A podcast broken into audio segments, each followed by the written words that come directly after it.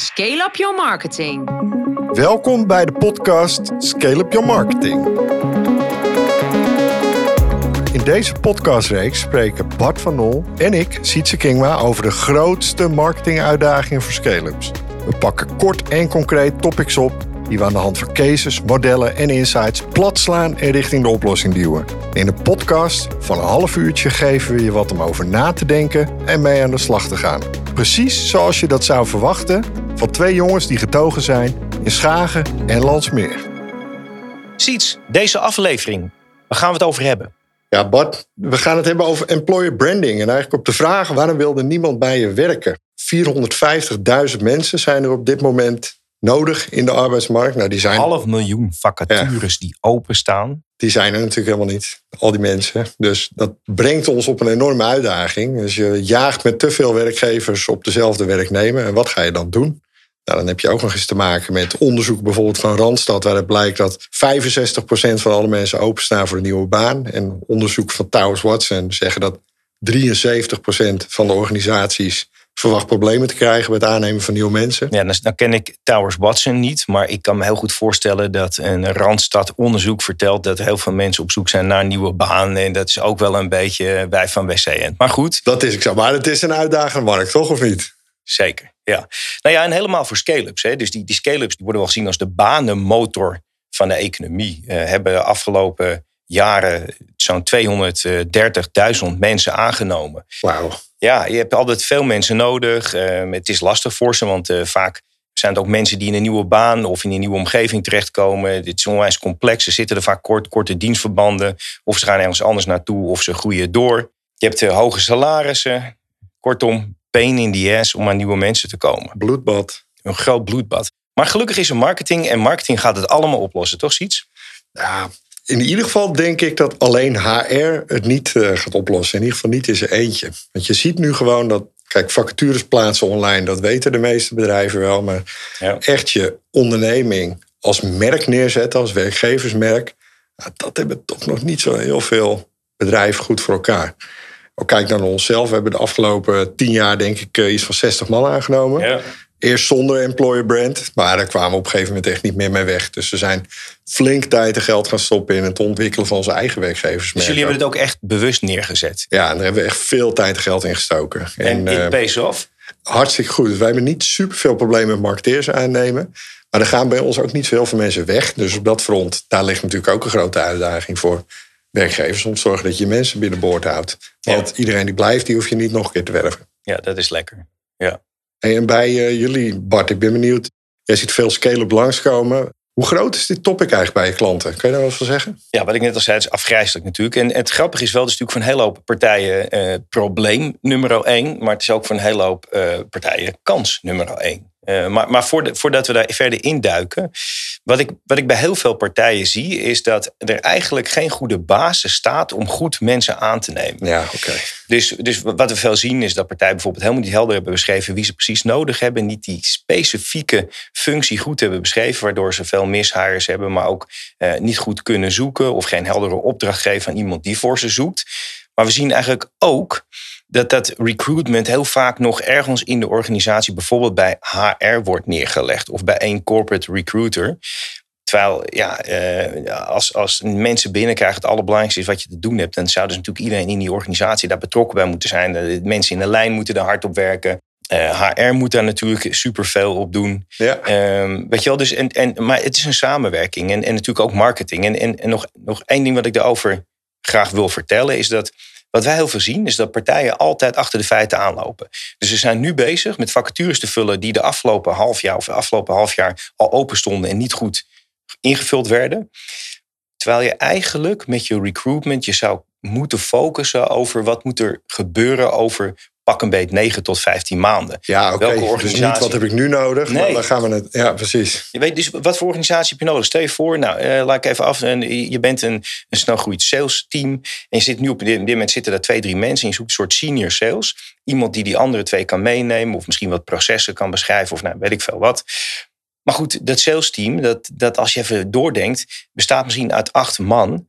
Over een maand of twaalf. En dat betekent dus dat je nu eigenlijk misschien wel iemand zoekt die veel meer management doet. Of veel meer die, die de processen en veel meer die mensen opleidt. In plaats van een senior sales. Maar die senior sales vacature staat nog open. Dus daar gaan we gewoon door op zoeken. Die persoon is gevonden. En na drie, vier maanden blijkt die rol niet meer te matchen met de persoon die je vanaf een half jaar geleden zocht. Kortom, het sluit niet bij elkaar aan. Ja, het is bijna logica. Moet je dan ook met zo'n virtual bench aan de slag zo? Dat hoor ik ook nog wel eens van. Ja, die virtual bench is echt, vind ik, een mooie tool. Dus je gebruik veel bij dat scaling up. Hè, wat het, eh, nog even uh, voor de mensen voor wie dat nieuw is. Wat ga je nou doen? Zo'n virtual bench. Dan ga je eigenlijk kijken. Stel je voor dat een van mijn sleutelmedewerkers weggaat. Iemand op een hele belangrijke positie wat heb ik daarachter dan zitten? Wel, welke anderen ken ik nog? Ben ik met die mensen in gesprek? Weet ik waar ze zitten? Zitten ze in een goed netwerk? Uh, kortom, je gaat op allerlei plekken kijken wie heb ik nodig. Um, zodat als zo'n vacature open komt te staan in je team op belangrijke plekken, dat je al mensen hebt met wie je in gesprek kunt gaan en, en mensen die je misschien nog zelfs naar binnen kunt halen. Dus zo'n virtual bench wordt veel gebruikt. Maar ja, de, de mensen die eruit komen, daar ben je vaak al uh, twee jaar mee bezig. Dus dat moet je gaan opbouwen. Ja, ik kan me ook voorstellen dat als je, als je meer haast hebt en dat je gewoon echt op grote schaal mensen aan wil nemen, dat het wat lastiger wordt om dat uh, af te wachten allemaal. Zeker. Dus, dus dat, is, dat is precies het verhaal. Als je er een paar aan moet nemen, dan gaat het nog. Maar als je er 5 à 10 per maand naar binnen wil slingeren, dan red je het vaak niet met die virtual bench. Ja. Zit ze allemaal op de bench, uh, terwijl jij echt nood aan de man hebt. Ja, dat schiet niet op. Precies. Dus dan red je dat niet. Hey, top. En ik ben nog benieuwd, hè, als je dit nou opzet. Uh, je, je kan natuurlijk een kleine organisatie hebben of je kan uh, groot hebben. Je kan haast hebben of niet. Maar wanneer Leg je nu dingen extern neer? Wat doe je nou zelf en hoe verandert dat nou over de groei? Heb je daar een idee bij? Ja, nou ja, wel ideeën bij. Laat ik vooropstellen dat ik er zelf altijd onwijs mee heb geworsteld. En uh, dat ik dat ook veel bij veel partijen zie. Maar als je natuurlijk veel haast hebt, je hebt geen recruitment resources, je hebt geen, geen marketing. Uh, en, je wil wel heel veel mensen naar binnen slingen. Dan, dan op een gegeven moment ga je werken met een agency, met een recruitmentbureau, misschien detachering. Dat is natuurlijk snel. Die gasten weten ook vaak goed wat ze moeten doen. En ja, die moet je ook wel een goede opdracht geven. Maar als je van een paar functies, als wij noemen dat intern schaalfuncties, dat je daar heel veel van nodig hebt. Dan is het op een gegeven moment ook weer handig om dat intern op te zetten. Ja, wil je ook leren natuurlijk, steeds beter worden. En... Ja, en dan uh, wordt het gewoon steeds meer een job van marketing. En, en, en dan komen we natuurlijk ook eigenlijk bij de specialist uit. Wat zie jij daarvan terug? Ja, ook kijk je naar wat de marketingafdeling doet met recruitment over het algemeen in voorbeelden waarin dat goed gaat, waar wij ja. tegenkomen, heb je natuurlijk ten eerste de basics. En de basics is natuurlijk een goede werken bijsite. Zorgen dat je knap vacatures maakt die aantrekkelijk zijn. Nou goed, er is heel veel informatie online ook te vinden over waar zoiets aan moet voldoen. En dan zorg je natuurlijk dat het bij de juiste mensen onder de aandacht komt. Ja. Uh, via LinkedIn, Indeed is bijvoorbeeld een kanaal dat veel inzetten. Indeed, ja. Dat, voor mij dat was dat er eentje die ik, die was bij mij een beetje ondergesneeuwd, Indeed. Maar die zijn dus helemaal back on track. Ja, Indeed is echt een kanon. Dus voor organisaties waar wij de groepmarketing uh, voor inzetten, okay. uh, gaat gigantisch hard. vaak denken mensen dat het alleen is voor mensen die naastig op zoek zijn. Dus dat je echt bij de probleemgevallen uitkomen, ja. zo te zeggen. Maar ook voor latentzoekenden is het een steeds belangrijk kanaal. We halen mega veel uit. Grappig. Oké. Oké, maar die, die dingen, ja, dat moet je sowieso allemaal voor elkaar hebben. Ja, dus dat zijn een beetje de basisdingen. Ja, de Als je dat niet hebt, dan loop je achter uh, de feiten aan. Ja, precies. Maar dat doet natuurlijk iedereen. Ja, ja, daar kan dan, ik me iets bij voorstellen. Ja, ja, Iedereen weet op een gegeven moment hoe je goede facturentekst maakt. En dan wil je natuurlijk gaan kijken van wat is het merk achter mijn organisatie? Wat is de belofte die ik maak aan mensen die hier komen werken? Uh, waar kunnen zij op rekenen? Wat is hun werkomgeving en dat soort zaken? Uh, dat allemaal echt doorvertalen naar buiten toe. Dat als je binnenkomt in die organisatie, dat je dat gevoel, dat je dat ook naar buiten toe kan brengen. Daar zit dan de onderscheidende waarde. Want daar zit dan ook de waarheid in. Je wilt gewoon weten waar een bedrijf voor staat en of je daarbij past of niet. Dat is wat mij betreft echt En dan kom je op, de, op, de, op dat, dat brandstuk. Hoe ja, sta je, dan kom je echt op dat employer brand. Hoe zet je dat merk neer en hoe maak je de aansluiting bij potentiële nieuwe medewerkers? Ja. En dat zie je ook steeds meer ontstaan, ook in die, in die candidate journey. Hè? Dus dat je ook steeds meer die mensen die je bij wil hebben, al weet waar haal je ze op, met, waar ga je met ze in gesprek, hoe, hoe ga je ze recruiten en hoe, hoe, hoe zorg je vervolgens dat ze goed door die organisatie heen lopen. Ja, precies. En heb jij nog insights op, uh, op dat gedeelte, Bart? Nou, zeker wel. Ik heb uh, de, de schrijver van het Scaling Up boek, hè, mijn uh, guru Fern. Ja, precies. Dat is jouw held, hè? Ja, mijn grote held. Die heeft ook een boekje geschreven dat heet Scaling Up Compensation. En dat gaat over uh, hoe je mensen goed betaalt, hoe je ze binnenhaalt, et cetera.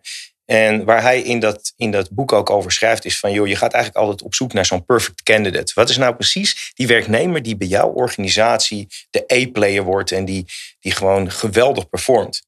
En waarom performt die dan goed? Wat is dat voor persoon? Waar zou je andere personen kunnen vinden die op deze persoon lijken? Ja, oké, dus je gaat echt die A-player in kaart brengen en, die, en die ga je proberen te dupliceren als het ware. Ja, en, en, en je gaat ook op zoek naar waar is de visvijver waar je die A-players vandaan haalt. Dus hoe trek je die organisatie in? Ja, goed, dit is, dit is toch gewoon eigenlijk dit is gewoon pure marketing, toch? Ja, dus in principe is het uh, hetzelfde als reguliere marketing. Dus je hebt ook gewoon een funnel, een candidate journey noemen we dat op dit moment. En dat begint op het moment dat je uh, nog goed op je plek zit.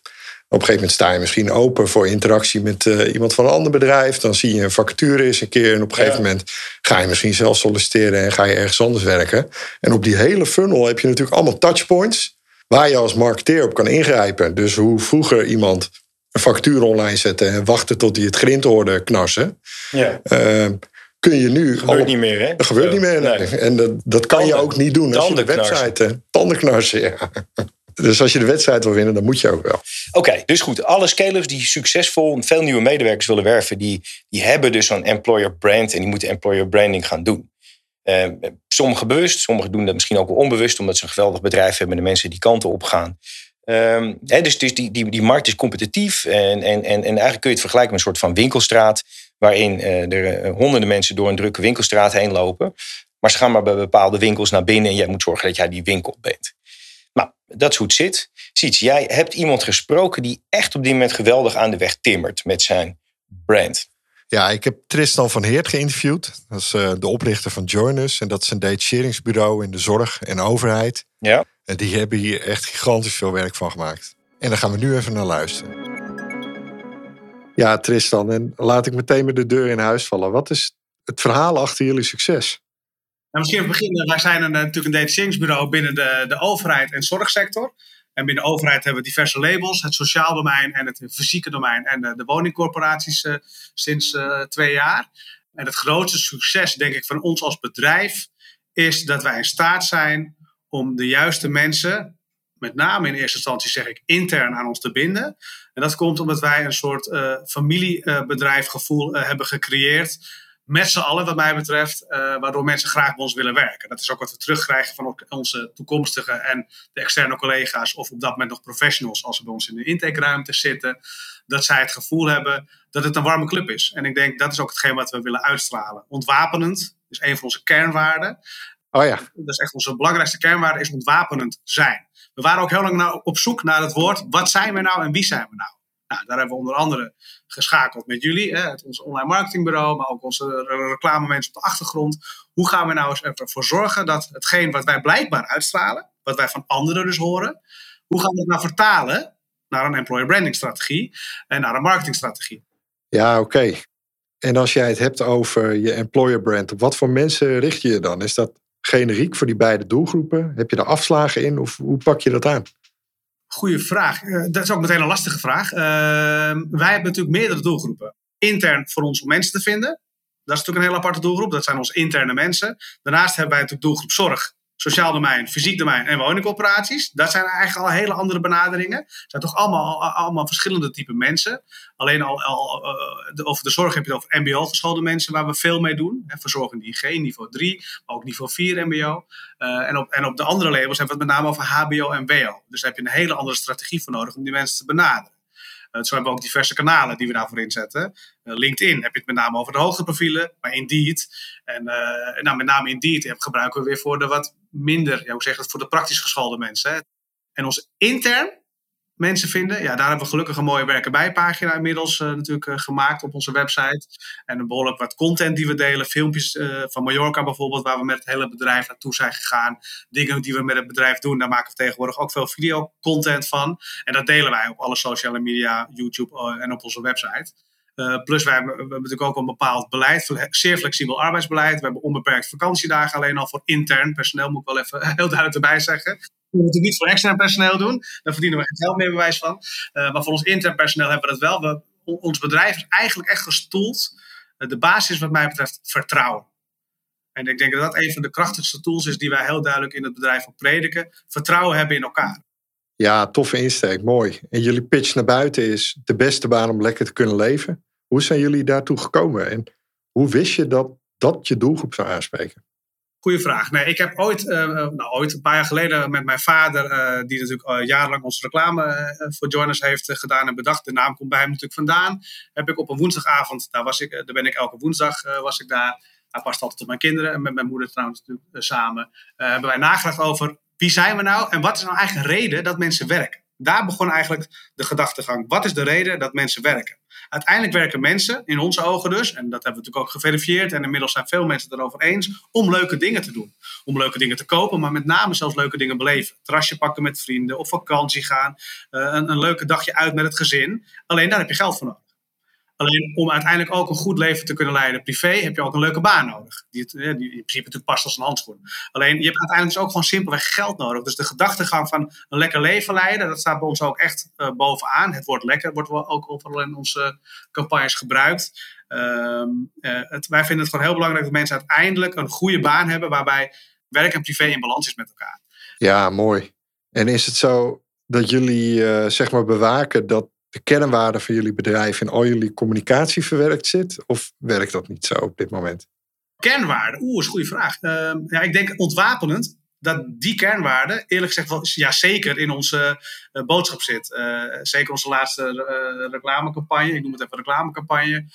de beelden die erin zitten, zeggen wat mij betreft wel voldoende dat wij een ontwapenende club zijn. Zeker ook in het eerste filmpje hadden we bijvoorbeeld in dit geval twee zoenende vrouwen en een man die zich opmaakt met een baard. Weet je, dat zijn wel duidelijke beelden die aangeven en aantonen dat wij voor inclusie staan, maar ook wel dus eigenlijk gewoon ruimdenkend zijn, laat ik het zo maar zeggen. En daarmee ook ontwapenend, vermoed ja. ik zo, maar ja. mensen dat zo opvatten, ja. Alleen al de binnenkomst bij ons, als mensen bij, ons binnenkomen en in, in, in, in een spreekruimte komen te zitten, staat er al een bordje welkom met de naam van degene die er zit. Dat is al een begin. Dat wordt altijd heel goed ontvangen. Super simpel.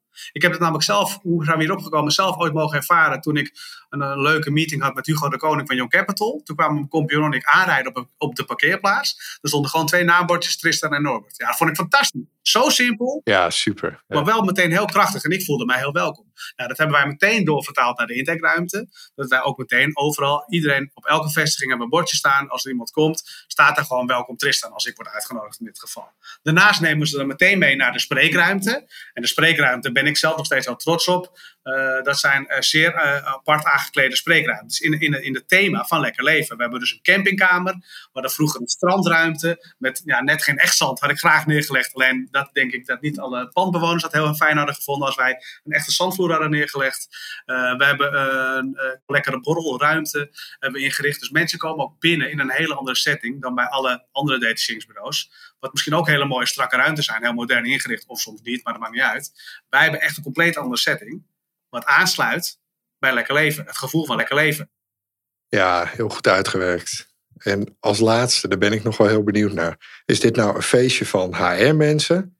Of een feestje van directie of van marketing? Wie oont dit? Is hier een eigenaar van, van dit verhaal?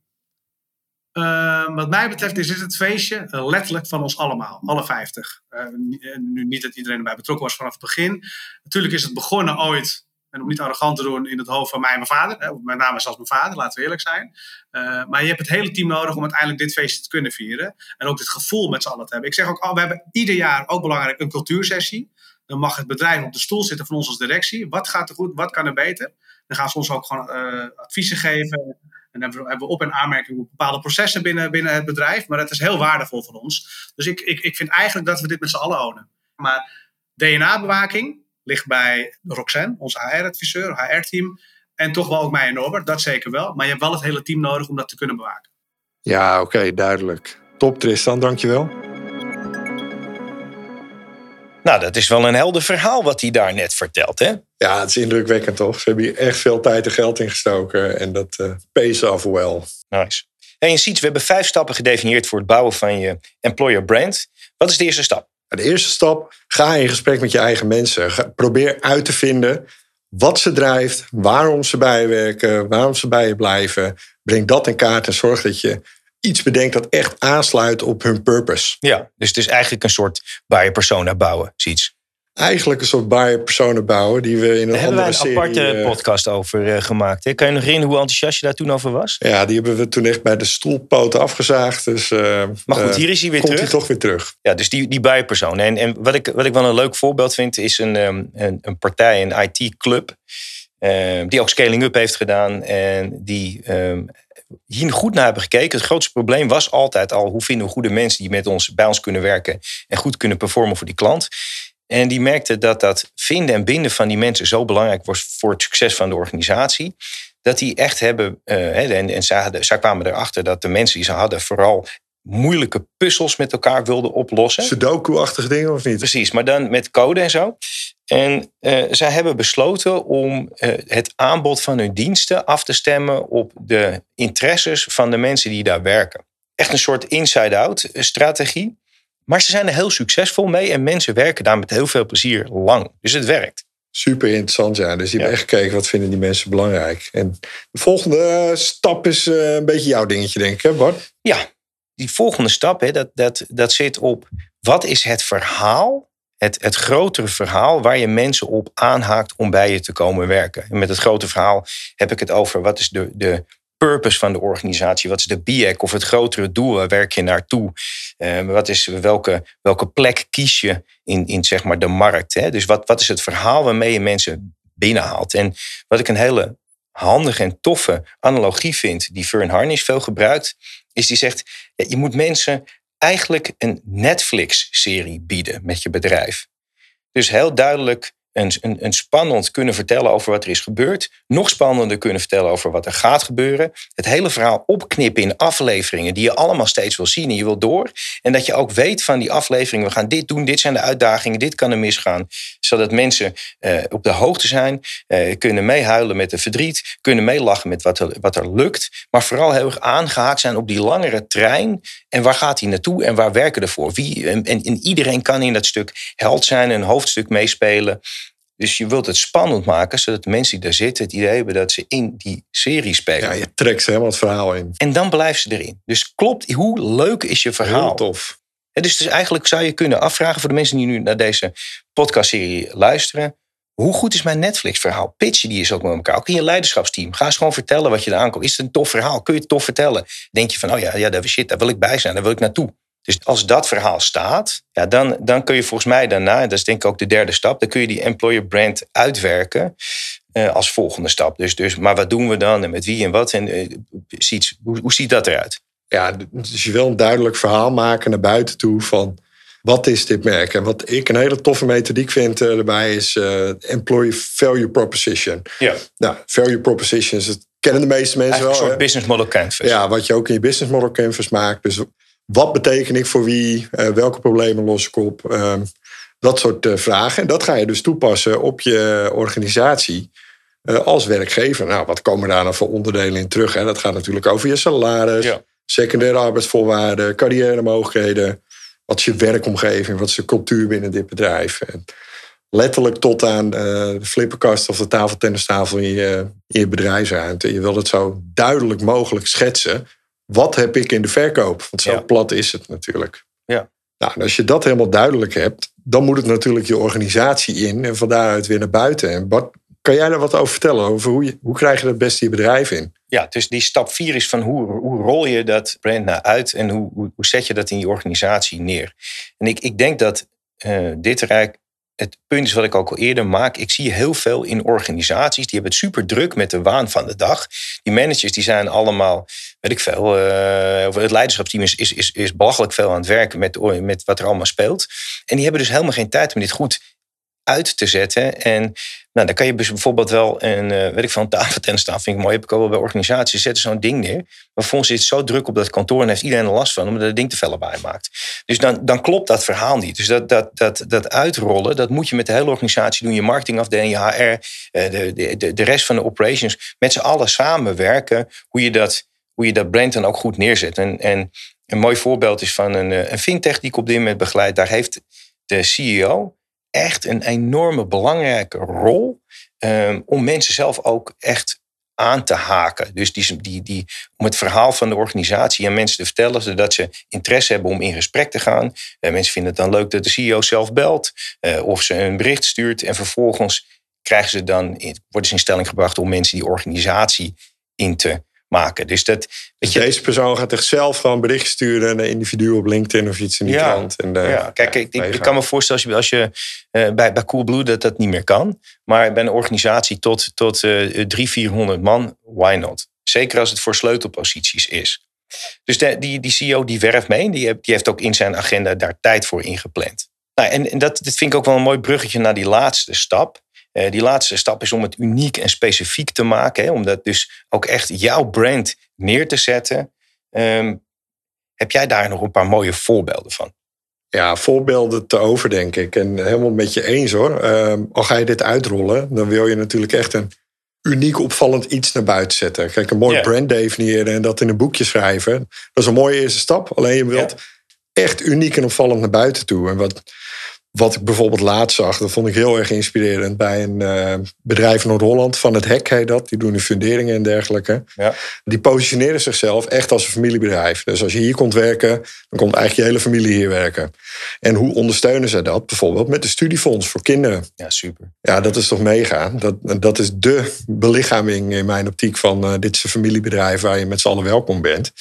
Een ander voorbeeld wat ik zou kunnen noemen is uh, een organisatie uit Breinstein. Die doen uh, traineeships rond uh, IT, verandermanagement, ja. data science en dat soort topics. Nou, dan kan je het natuurlijk hebben over... jij gaat met data werken op het gebied van watermanagement. Nou, je kan ook zeggen, nou, jij gaat zorgen dat mensen droog voeten houden achter de dijk. Dus zij zijn heel erg op zoek gegaan naar... wat is nou de purpose van de mensen die wij willen aansluiten. Ja, die mensen zijn op zoek naar een betere wereld. Purpose-based recruitment ja. of zo? Of, of, Ja, ik weet niet of dat uh, de bingo is uh, die hier precies bij hoort. Alleen dat dekt hem wel in mijn optiek. Echt gericht op, de, op, op wat iemand belangrijk vindt in zijn leven. Ja, mooi. Ik, dit is een, een partij die ik... Uh, een paar weken geleden hadden we een, sessie ook in de arbeidsbemiddeling. Maken echt onwijs mooie stappen die echt hebben besloten dat zij zich willen richten op werk wat in de duurzaamheid, in de, in de vergroening zit. Dus voor partijen met een duurzame agenda.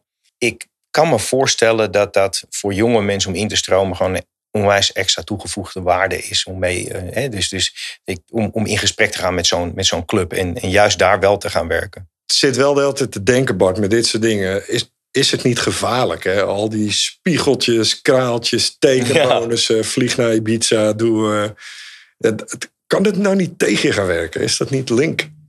Ja, nou ja, dit, dat zou natuurlijk wel kunnen. Ik, uh, ik ben er zelf ook altijd wel uh, nieuwsgierig naar. En, en uh, met een van de partijen die ik begeleid, die ehm, hebben, vond ik wel grappig, die hebben bedacht dat mensen die bij ze komen werken eerst op vakantie mogen. Omdat ze dan lekker uitgerust kunnen beginnen. Het is ook een noviteitje natuurlijk. daar hebben ze ook wel echt wel wat PR mee gepakt. En wat ik van hen begrijp, is dat ze daardoor en met veel meer mensen in gesprek komen. En dan vervolgens hebben, moeten ze natuurlijk een goed werving- en selectiegesprek hebben. Hè, of, of een proces ja. om die mensen te hebben zitten die alleen maar op vakantie wilden. Maar hun eerste resultaten zijn gewoon, daar zijn ze super enthousiast over. En eh, ze komen in ieder geval in stelling. Maar ja, het moet, ook dat moet weer, wel weer een beetje bij je cultuur passen. Want als je dat. Um, als je, als je zoiets nog nooit hebt gedaan, dan, dan, dan komt het volgens mij op iedereen over als een soort paniekvoetbal. Ja, maar de basis is dus ze halen meer vissen uit de vijver, waardoor ze ook gewoon meer te selecteren hebben, toch? Ja, ik denk wel dat dat het is. Maar ik vind, ik vind je vraag legitiem. Omdat ik denk dat het, ook dat, de manier hoe je mensen binnenhaalt, moet passen bij je cultuur, waar je voor staat, bij je core values. Uh, als je opeens vanuit het niets een, een, een van de marketingverhaal volgt en je gaat heel veel geld beloven en tekenbonussen en et cetera, dan werkt dat misschien niet. Uh, dus, dus daar moet je goed natuurlijk scherp op zijn. Dus ik vind dit een terechte vraag. Ja, of als je een containerscheep vol met plastic uh, meuk uit China vandaan uh, laat komen en dan ondertussen het hebt over een beter milieu, dan weet ik niet of die helemaal aansluit. Nee. Heb jij nog een, een wrap-up of een tip die je mee wil geven? Ja, wat, wat mij betreft echt een wrap-up is van het hele verhaal, is maak het geen HR-feestje. Onderken gewoon welke onderdelen wel HR zijn, maar ook wat marketing is, wat directie is en welke dingen je gewoon in de hele organisatie moet neerleggen. Ja, dus Zorg. je doet het echt met een team. Ja, zorg dat het niet in een hoekje bedacht en geïmplementeerd wordt, maar dat het echt een bedrijfsfeest is. Ja, mooi. Nou, daar wil ik wel op aanhaken. Wat ik een Nee, laat ik hem anders zeggen. Waar ik heel veel resultaten heb, heb zien komen, is dat als je hele organisatie enthousiast is om voor je te werven, iedereen meedoet, mensen mensen uitnodigen via LinkedIn of via via. Uh, dus betrek al je mensen bij je wervingsproces. Uh, denk bijvoorbeeld als iemand binnengekomen is, welke twee, drie mensen ken jij die hier ook zouden kunnen werken? En ga eens met die mensen in gesprek, organiseer een leuke flirtborrel voor mensen om langs te komen en eens een keer voor het eerst kennis te maken. Uh, ga, doe het met het hele team, want dan gaat het super snel. Dat klinkt misschien wat kneuterig, is het absoluut niet. Want uh, Uber heeft ook een mooie casus ervan. Die hebben, hebben gevraagd van, joh, wat zijn, waar nou de echte goede mensen met wie je hebt gewerkt? En die hebben ze gewoon in één keer, zonder met die mensen een sollicitatiegesprek aan te gaan, hebben ze die gewoon meteen een joboffer gedaan. Wow. Uh, ja, omdat, dat gewoon, omdat zij zeggen veel, als goede mensen bij ons andere goede mensen aanbevelen, dan gaan we ervan uit dat het goed is, nemen wij dat risico. Boter. Veel, precies, bam. En halen zelf mensen op binnen. Dus uh, je kunt dat gewoon doen. En het leuke van dit allemaal is, je kunt heel veel testen en kijken of het werkt. En als het niet werkt, ga je wat anders Doe je doen. weer wat anders, hè? Maar wees daarin uh, creatief. Kies een paar dingen en doe het met je hele bedrijf. Agile recruitment, zou je zeggen, of niet? Agile recruitment. Lekker. Klinkt lekker. Oké, okay, Bart. One word close. Netflix. Essentieel. Dat was me.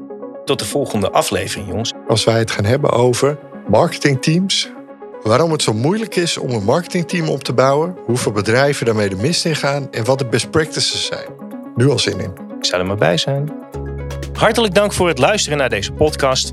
Vergeet je niet te abonneren op Scale Up Your Marketing Podcast. En hopelijk tot de volgende keer.